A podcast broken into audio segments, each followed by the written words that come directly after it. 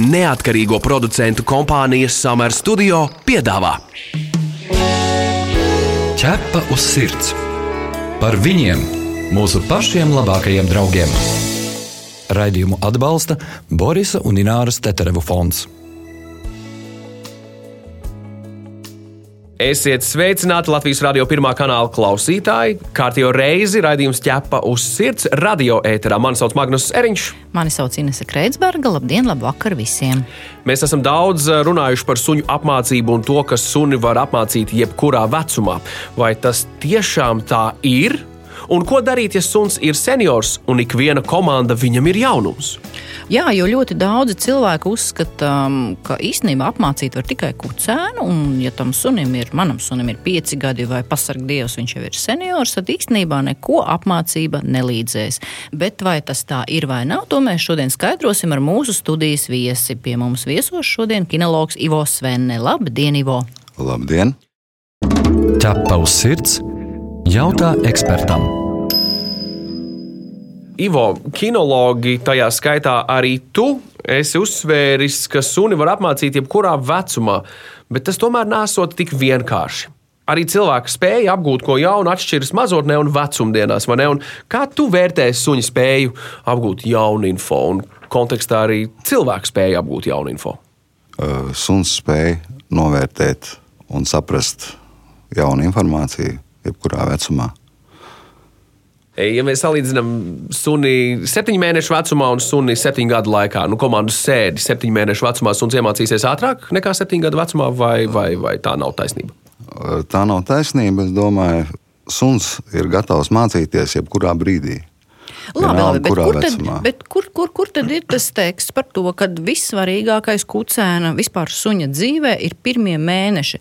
Kāpēc iesaka suni pēc iespējas ātrāk sasniedzot divu mēnešu vecumu dot uz mājām jauniem saimniekam? Ja, piemēram, kucēns ir pieejams jau piecu vai sešu mēnešu vecumā, ļoti daudz kas no apmācības ir nokavēts. Ko mēs ar to saprotam? Es gluži negribētu teikt, ka ir nokavēts, bet uh, sunim ir izveidojies jau kaut kāds, jebkurai dzīvē radībai, izveidojās uzvedības modelis, kas viņam ir vispiemērotākais tajos apstākļos. Un, ja suns ir uh, pats visu kaut ko mācījis, nevis cilvēks viņam ir mācījis, tad tas bieži vien nesakrīt ar cilvēku vajadzībām un vēlmēm. Un tāpēc ir tās uzvedības problēmas. Labi, bet ja piemēram cilvēks adoptē piecgadīgu vai deviņgadīgu suni, ar kuru pirms tam neviens nav neko darījis, nav neko mācījis, nu, tad jautājums ir, kā var šim sunim kaut ko iemācīt un ar ko būtu jāsāk? Jāsāk būt ar to, ka cilvēkam ir jākļūst par vadītāju šī suņa galveno līderi. Un tad suns mācīsies no viņa visu. Pretējā gadījumā suns dzīvos pēc vecā uzvedības modeļa, un cilvēks visdrīzāk cietīs. Un tas sanāk, ka ir nu, lielākā problēma tiem cilvēkiem, kuri adoptē jau pieaugušu suni, domājot, ka tas zinās, kā uzvesties, kā rīkoties, kā sadzīvot. Bet tas beig beigās izrādās, ka sāk dominēt un izrīkot cilvēku pēc savas patikas. Kāpēc tas notiek? Jā, cilvēka domas ir pareizas, tikai viņš zina priekš sevis tas suns. Nevis priekš tiem cilvēkiem. Un viņš zina, kā viņam uzvesties, lai viņš panāktu pēc iespējas vairāk no situācijām, no dzīves. Bet, eh, nu, piemēram, nedaudz apmācīts suns šādā situācijā, viņš uzvestos jēdzīgāk, neskatoties uz to, ka ir nokļuvis tādā pat situācijā, svešumā pie jauniem cilvēkiem.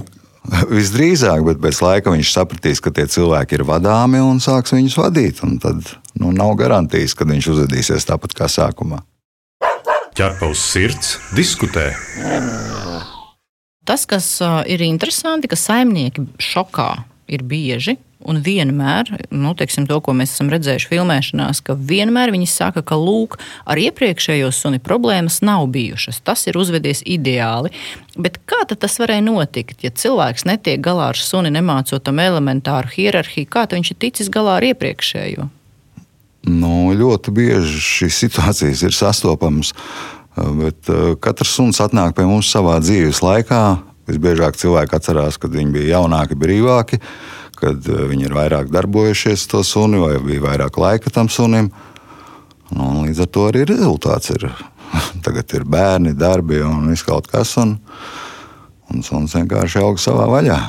Nu, kas ir noticis? Viņš ir kā, tas cilvēks ir idealizējis to iepriekšējo suni. Ja jau, nu, piemēram, viņš tagad, mm. piemēram, tagadējais bēg, iepriekšējais ne, nebēga prom no mājas. Un, un neko citādāk nedarīja. Nu, visdrīzāk cilvēks uh, līdz galam neizprot situāciju manā skatījumā tad te būtu punkts, kurā cilvēkam vajadzētu vairāk investēt laika, domas un meklēt cēloņus tam, kāpēc tā notiek. Noteikti. Suns ir gatavs darboties 24 stundas diennaktī. Pat ja viņš guļ, ja saimnieks pakustēsies, viņš sekos viņam. Runājot par uh, pamatpaklausību, Ivo, kas tas ir? Kas skaitās pamatpaklausība, jeb labas uzvedības minimums? Manā skatījumā es runāšu atkal no savu viedokļa. Pirmais ir nevilkt pavadu, neraustīt. Otrais ir atsaukties uz komandu šurp. Trešais - reaģēt uz saimnieka nē, un saimnieka jā. Tad šīs četras komandas - jā, nē, šurp un uh, pavadas nevilkšana. Nu, tas būtu izējot sabiedrībā, nu, galvenās nepieciešamās lietas. Un, ko tu teiktu tiem cilvēkiem, kuri joprojām uzskata, ka suņa apmācība nu, tā ir tāda tā kā dresēšana priekš cirkus? Viņiem acīm redzot, nav pilna skatījuma uz šo lietu. Ļoti daudz cilvēku uzskata, nu, ko tad es tur to sunu apmācīšu. Tā jau tāda ķēmošanās, un es jau netaisos viņu dresēt. Varbūt mēs varam nodalīt, kas ir apmācība un kas ir dresūra. Tās ir atšķirīgas lietas. Tās ir atšķirīgas lietas. Apmācība notiek eh, visu mūžu. Tas ir, mēs mācāmies uzvesties situācijās, jebkurās mēs kur dodamies ar suni. Katra situācija suns vienmēr ir šeit un tagad, un viņš skatās, kā mēs reaģējam uz to situāciju. Ja mēs esam ļāvuši pirms tam sunim reaģēt pirmajam, tad viņš arī jaunā situācijā mēģinās reaģēt pirmais, un tas mums nav vajadzīgs. Eh, dresūra ir eh, ma komandu mācīšana, komandu izpildīšana tieši precīzi. Tur sēdēt, gulēt blakus. Tas ir komanda ir tieši uz to brīdi, kad saimnieks viņu iedod un suns viņu pilda. Tu esi mans draugs, ķepus sirds. Par pavadas vilkšanu runājot, ļoti daudzi cilvēki, no sevišķi vecāka gadu gājuma, viņi saka, ka viņi nevar noturēt šo suni, un tāpēc viņi, viņi pastaigās ar šo suni, baidās iet. Bet tā pavadas uh, turēšana jau nav par fizisko spēku, pareizi? Mm, tieši tā. Un kas tieši nav par fizisko? Varbūt mēs varētu pastāstīt, ka tev nav jābūt fiziski ļoti spēcīgam, lai varētu noturēt lielu suni pavadā. Un kas tad ir šis mistiskais noslēpums? Mistiskais noslēpums ir pavadas pareiza turēšana, neiekrampēšanās pavadā un mūsu tālāka darbība. Kad, mēs, kad suns sāk vilkt pavadu, ja mēs viņam pievienojamies, ļaujam viņam vilkt, tad viņš to lasa kā pievienošanos aiz sevis. Ja mēs suni apstādinām un neturpinām kustību, Suns pēc vairākiem mēģinājumiem viņš sāk skatīties, kāpēc nenotiek kustība. Un tas ir tas brīdis, kad viņa uzmanība tiek paņemta, ja, un viņš pievienojās mums. Bet te jau nav pats pats sākums problēma ar to, ka vispār cilvēki nezina, kā izvēlēties pareizi pavadu. Ko tik viņi tur nenes? Tur striķis viņiem, tad viņiem ir fleksis. Par šo, par šo runājot, es tieši vakar redzēju uh, Haskiju Husky suni un viņas saimniekus. Tā sieviete, kas viņas saimniece, viņai ap vidukli bija tāda josta, kurai bija piestiprināts suns pavadā. Un tad viņi ik pa brīdim tā, tā uz priekšu kustoties ar suņuku gāja, gāja gar veikalu. Tas bija kaut kas tāds, ko es nebiju nekad redzējis. Nu, zinu, lai rokās nav jātur. Es domāju, tas, lai varētu mierīgi spaidīt podziņas telefonā. Tas tāds ļoti ērts risinājums. Jā, visdrīzāk tā bija speciāla pavada, ko izmanto Suņu vilkšanai? Kanikrosam, lai suns vilktu. Jā, iespējams, ka tā sieviete trenēja savu suni. Tas bija jā, haskis, bet jā? parastai jā. pastaigai tas ir nu, nepareizi un nepareizi. Vienkārši tas suns to sievieti vad, vadīja. Un, ja ir tā kā otrā variantā, tad viņš mm. vienkārši viņu vadīja un vilka pa gaisu. No. Nu. Bet kā tur ir to pavadu, ko cilvēki nezina? Viņi nepareizi pērk pa īsu. Uh, viens ir nopērkot īsu pavadu, uh, sunim nav platības, kur vispār pavostīties, pakustēties normāli. Katra kustība sanāk ar rāvienu, un tad suns vienkārši pieņem to, ka viņa saimnieks ir jārausta, lai tiktu kaut kur kopā. katra pavada ir domāta kaut kam, un ja viņu pareizi lieto, tā pavada ir viss kārtībā. Nu, piemēram, sunim senioram kāda būtu jāizmanto nu, pavada. Kā saprast, ko viņam vispār var dot šajā, ir, ko vēl var iemācīt? Ir ļoti, ļoti dažādi seniori. Nu, es, es labāk teiktu, vienkārši sunim pavadē ir jābūt, lai suns varētu brīvi kustēties. Pavadi ir tikai, lai, nu, kā ja tā var izteikties, šautenē drošinātājs, jā, vai, vai arī signāla dodamais, mūsu rokas pagarinājums, ar ko mēs pieskaramies sunim. Jā, piemēram, tas, ko mēs esam pamanījuši, piemēram, patvērsmē šobrīd ir ļoti daudz liela auguma suņi, mm, kur ir kā, nu, vai nu noņemti no ķēdēm, vai viņi ir nesocializēti. Viņus principā nav iespējams normāli izvest pastaigā. Viņi nenormāli ārdās pa perimetru, un viņus arī grūti noturēt pašiem patvērsmes darbiniekiem. Un tad, ieraugot šādu suņu uzvedību, ir jautājums, cik ilgā laikā var savest kārtībā šīs attiecības, lai varētu notikt normāla pastaiga. Ar vienu pastaigu jau var diezgan krietni uzlabot vispār situāciju. Ja ar vienu pastaigu. Ar vienu pastaigu mūsu klausītājiem tas būtu vērtīgi zināt, ka patiesībā pieredzējuša kinologa apmācībā jūsu suns var smuki iet pie pavadas jau pēc pirmās nodarbības. Jā, tā ir. Jā. Atgādinām, ka pie mums studijā šodien ir kinologs Ivo Svenne, un mēs runājam par to, ko ģimenei nozīmē pieņemt jau pieaugušu suni un ko tam var iemācīt. Šo radio pārraidi, protams, varēsiet dzirdēt arī podkāstu formā populārākajās straumēšanas vietnēs, kā arī arhīvu sadaļā mājaslapā www.ķepaus LV. Tu pazīsti kādu īpašu dzīvnieku draugu? Tavs kaimiņš vai kolēģis palīdz nelaimē nonākušiem suņiem un kaķiem? Varbūt kāds suns vai kaķis izmainīs tavu pašu dzīvi. Raksti mums, un mēs pastāstīsim šo sirsnīgo stāstu pārējiem klausītājiem. Iedrošināsim arī citus izdarīt kādu labu darbu. Gaidām jūsu vēstuli uz info atķepa uz sirds LV. Problēma, ar ko saskaras cilvēki šobrīd, un domājot jau par skaisto nākotni, kad ķēžu suņi nebūs Latvijā, e, suņu mukšana prom no mājas. Kāds ir risinājums, kā tu ieteiktu rīkoties tiem cilvēkiem, kuriem šis ir problemātisks jautājums viņu dienas kārtībā? Nu, pirmais ir neatstāt suni vienu pašu, nodarbināt savu suni. Nu, mūsdienās ir tādi tehniski risinājumi kā radiosēta, Var arī tādu izmantot. Bet... Radiosēta strādā pavisam vienkārši, ja pareizi saprotu. Jā, viņi strādā vienkārši. Pie viņas ir tikai pareizi jāpieradina. Tad suns tuvojas uh, stieplē, kas ir novilkta vai ne attiecīgajā vietā. Suns sāk dzirdēt kaut ko. Pastāst vairāk par šo procesu klausītājiem. Uh, sākumā ir skaņas signāls, tad ir vibrācija un tad ir strāvas signāls.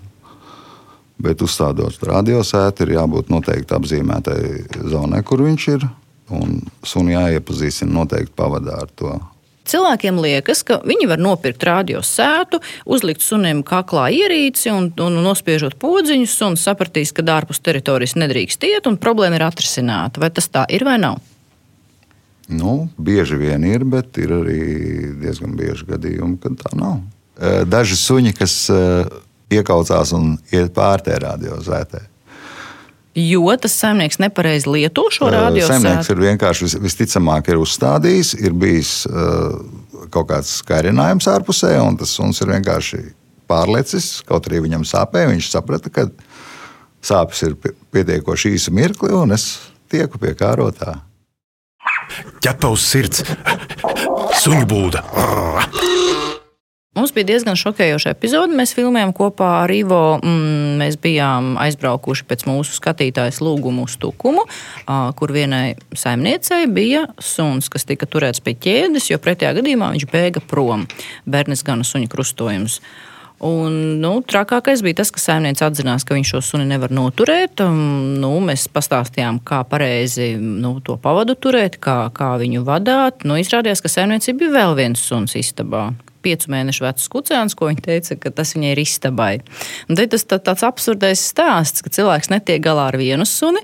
Bet vajag vēl vienu istabai. Vajag, vajag, vajag paņemt vēl vienu istabai. Un tad mēs, kā žurnālisti, nu, mēs esam vispār šokā, ko darīt šādā situācijā. Man jautājums, Ivo, kā tu komentētu to, ko tu redzēji?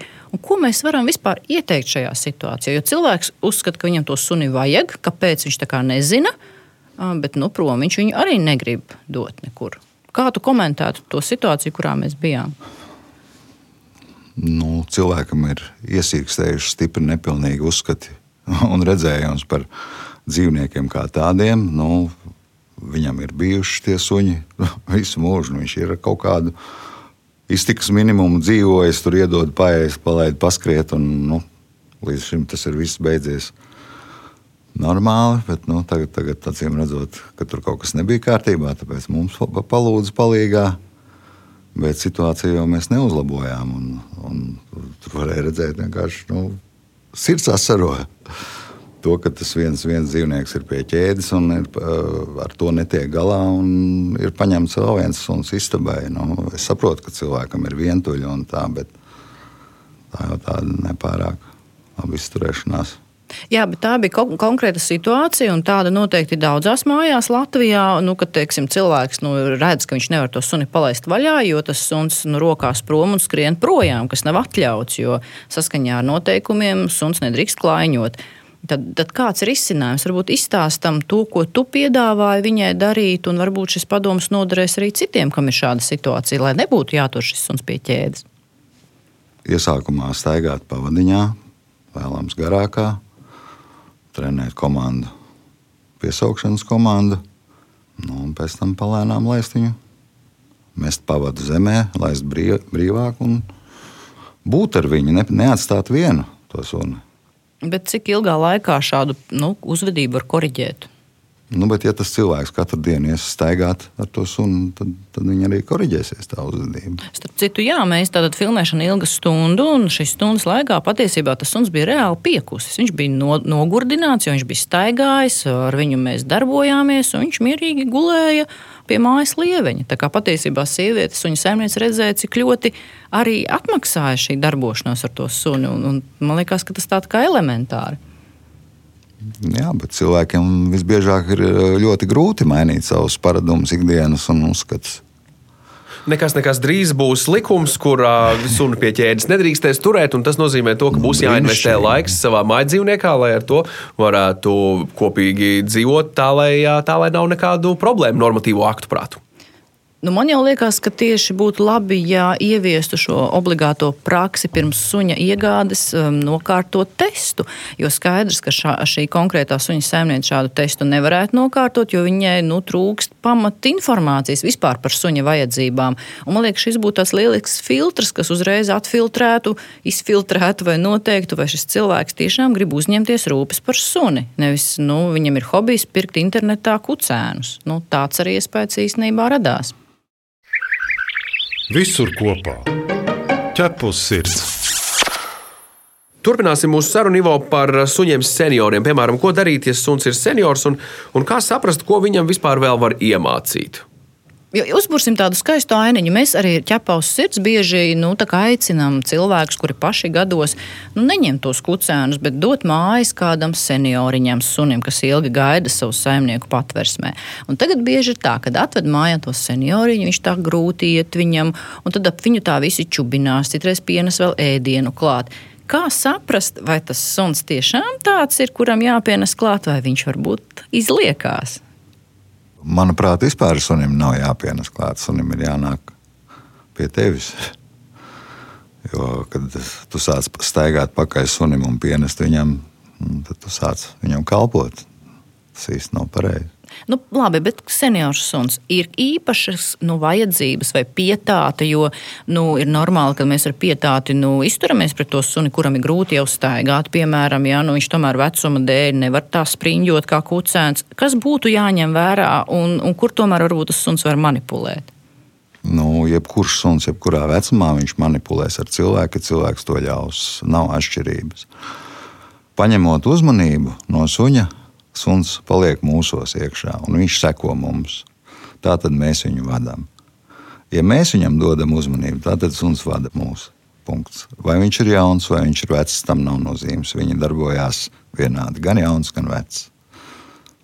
Tad, tad šī ir tā problēma, ar, ar ko cilvēki netiek galā savā ziņā. Šī uzmanības došana sunim, kas rezultējas pilnīgi pretējā nevis tas, ko cilvēks ir iedomājies. Jā. Nu, kā izskatās? Nu, piemēram, es gribu tādu piemēru. Cilvēki atved suni mājās no patvērsmes. Nu, kāds tas pirmais moments, kas viņam būtu jādod tajā pirmajā brīdī, kā nepārlutināt, nu, tādu piemēru, kā to darīt, kā saprast, cik viņš daudz ir mācīts, cik nav, cik viņam bāzties virsū pirmajā brīdī nu, tās tādas elementāras lietas un jautājumi, kur cilvēki nu, varbūt var kaut ko salaist. nu, ar jebkuru dzīvnieku, kaut kā pirmo reizi sastopoties, mums ir jānoskaidro, kā, kā viņš uzvedās. Piemēram, satiekoties patvērsmē, ejot staigā. Mēs skatāmies uz tā suņu uzvedību un sākam saprast viņu palēnām. Un, un palēnām, palēnām glāstot, tur, piemēram, no sākuma glā, galvu, pēc tam muguru, pēc tam citas, citas ķermeņa daļas. Mēs pārbaudām, apskatāmies, uh, kā viņš reaģē uz to vai citu pieskārienu, ko viņš ļauj, ko viņš neļauj, kā viņš uzvedās sastopoties ar citiem cilvēkiem, ar citiem suņiem.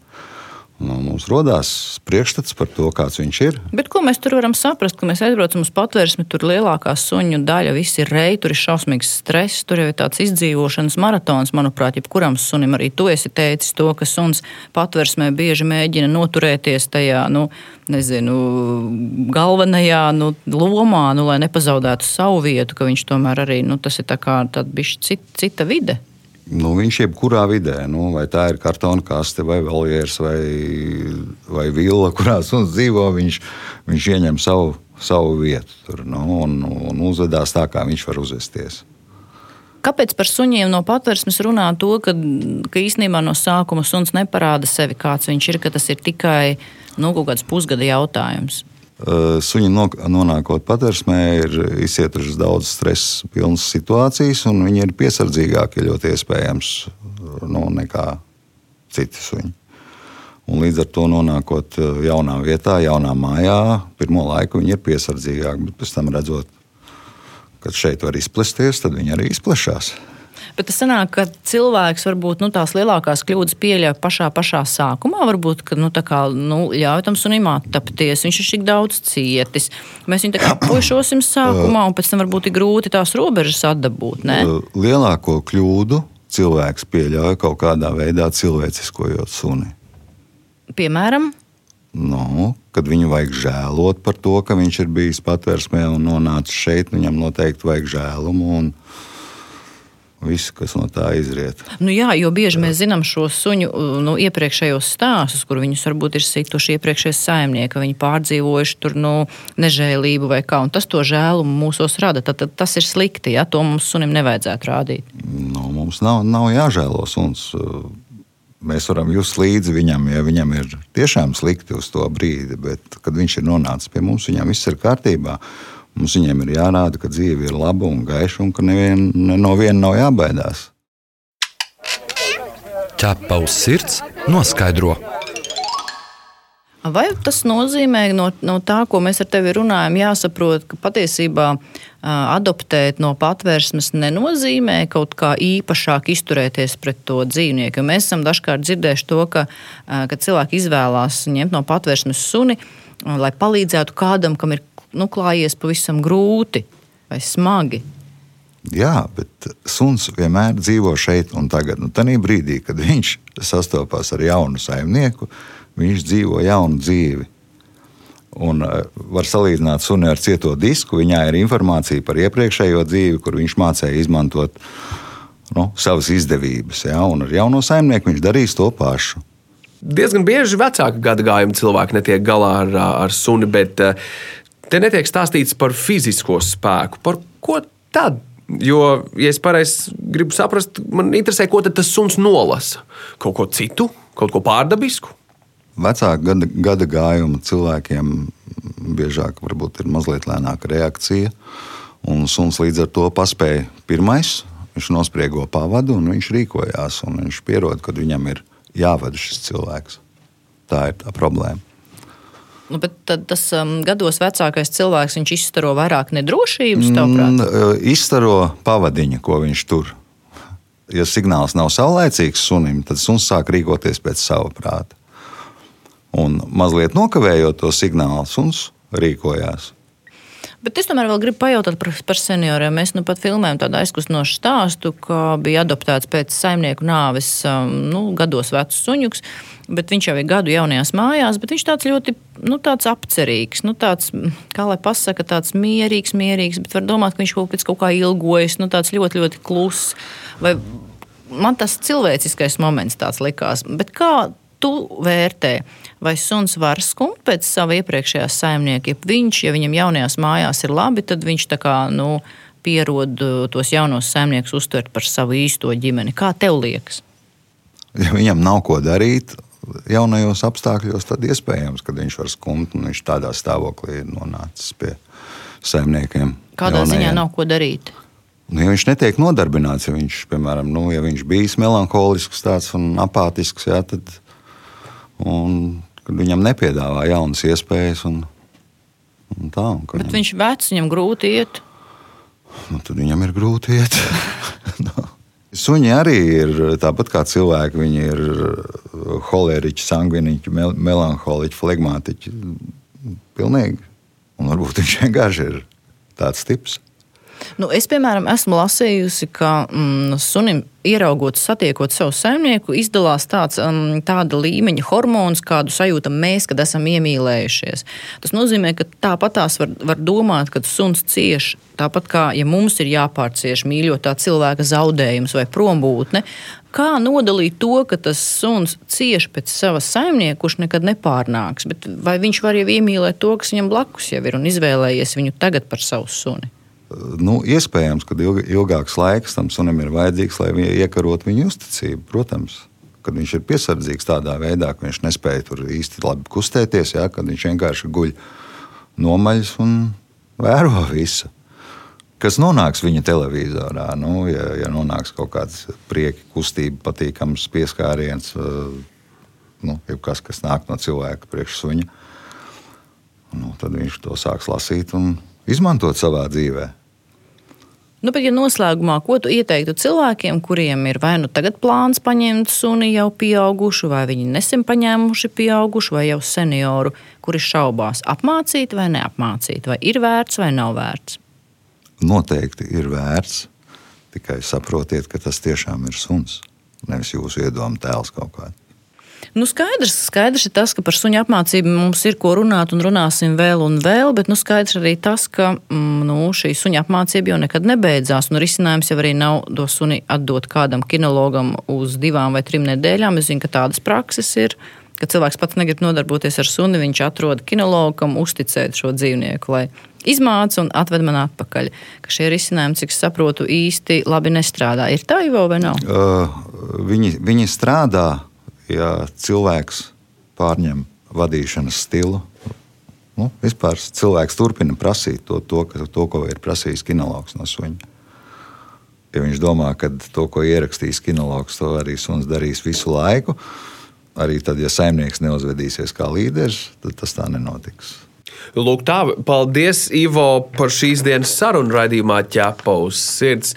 Skaidrs ir tas, ka ar saviem mājdzīvniekiem ir jānodarbojas, profesionāli jānodarbojas un jāatrod veids, kā atrast vislabāko komunikāciju, lai nerastos dažna, dažādas problēmas nākotnē. Un viens no veidiem, pats pamatveids, kā to visu saturēt kopā, ir suņa apmācība kopīga ar suni laika pavadīšana, pastaigas, tā prāta nodarbināšana un ķermeņa nodarbināšana. Un tad teorētiski visam vajadzētu būt kārtībā. Jā, un suņa vecums vai pieredze nav attaisnojums, lai ar to suni nenodarbotos. Tas tāds ir interesants atzinums. Paldies, Ivo! Pie mums šodien studijā viesojās kinologs Ivo Svenne. Līdz nākamajai reizei, Ivo! Paldies! Līdz nākamajai reizei! Mūrāģam! Ķepa uz sirds! Mēs atgādinām, ka ķepus sirds TV raidījumam varat sekot līdzi katru sestdienu, 11.15 un atkārtojumā Svētdien LTV1. Mēs arī gaidām jūsu jautājumus, ierosinājumus, idejas, sižetiem. Rakstiet mums uz info atķepaus sirds LV. Bet šajā raidījumā tas ir arī viss. Mani sauc Inese Kreitsberga. Mani sauc Magnus Eriņš. Raidījumu veido neatkarīgo producentu kompānija Summer Studio. Visu labu! Atā! Ķepa uz sirds! Informatīvi izglītojoši raidījums par dzīvnieku pasauli un cilvēkiem tajā. Raidījumu atbalsta Borisa un Ināras Teterevu fonds.